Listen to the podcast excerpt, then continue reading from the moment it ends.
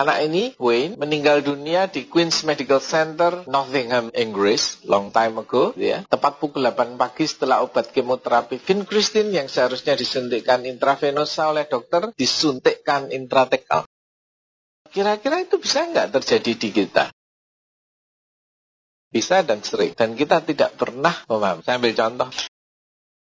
Suatu hari ada pasien yang sebetulnya bukan meninggal, tetapi ya terpaksa dia uh, injured. Lalu saya diundang sana karena kaitannya dengan pemberian obat. Tanya, Prof, ini kenapa ya pasiennya kok sekarang jadi lumpuh kayak gini?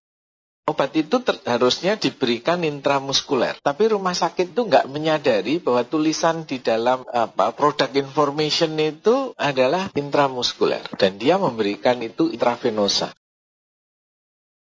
selama ini nggak apa-apa dengan intravenosa. Maka sampailah pada satu titik Iya, penyebabnya bukan hanya obatnya saja, tetapi baru diketahui bahwa itu harusnya obat yang tidak diberikan intravenosa, tapi intramuskuler.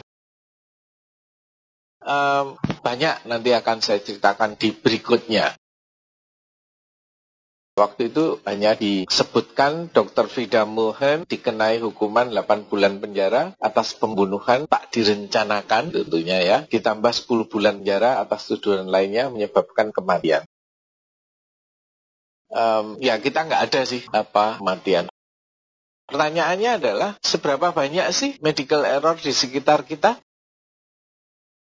Banyak nggak? Banyak nggak error di sekitar kita? Ya kan? Kita nggak pernah merasa ada error kok soalnya. Ada yang pernah jadi dokter puskesmas nggak ya?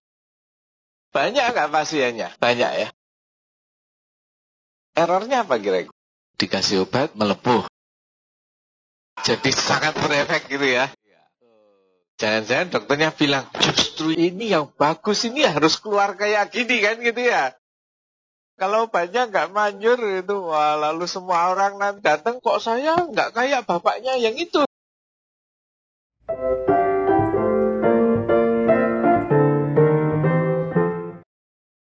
Tetapi accident can happen anytime. Saya bilang puskesmas itu lebih mengerikan lagi. Pasiennya sekarang berapa sih rata-rata?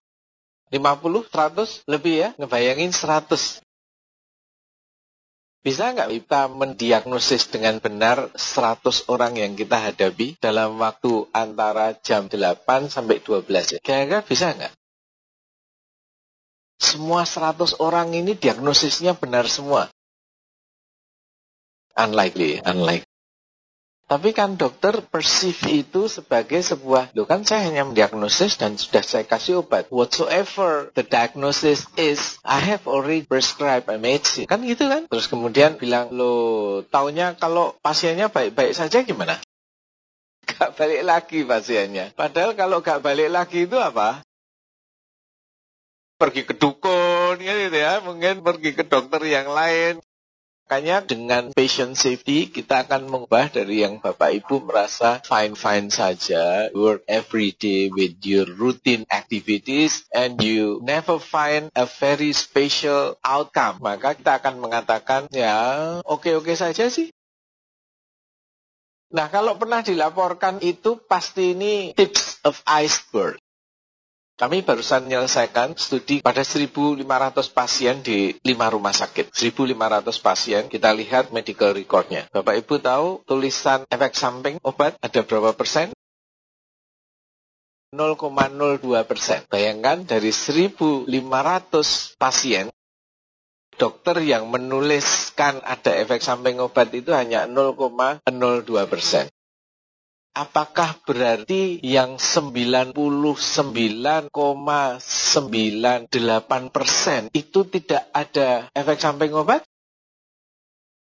Unlike lihat pasien itu obatnya bisa 6, bisa 7, bisa 12, bisa 20. Kalau sampai dia tidak mengalami efek samping obat itu dewa betul lah, bukan setengah dewa. Karena dokter itu kan setengah dewa. Ini betul-betul mbahnya dewa lah dokter itu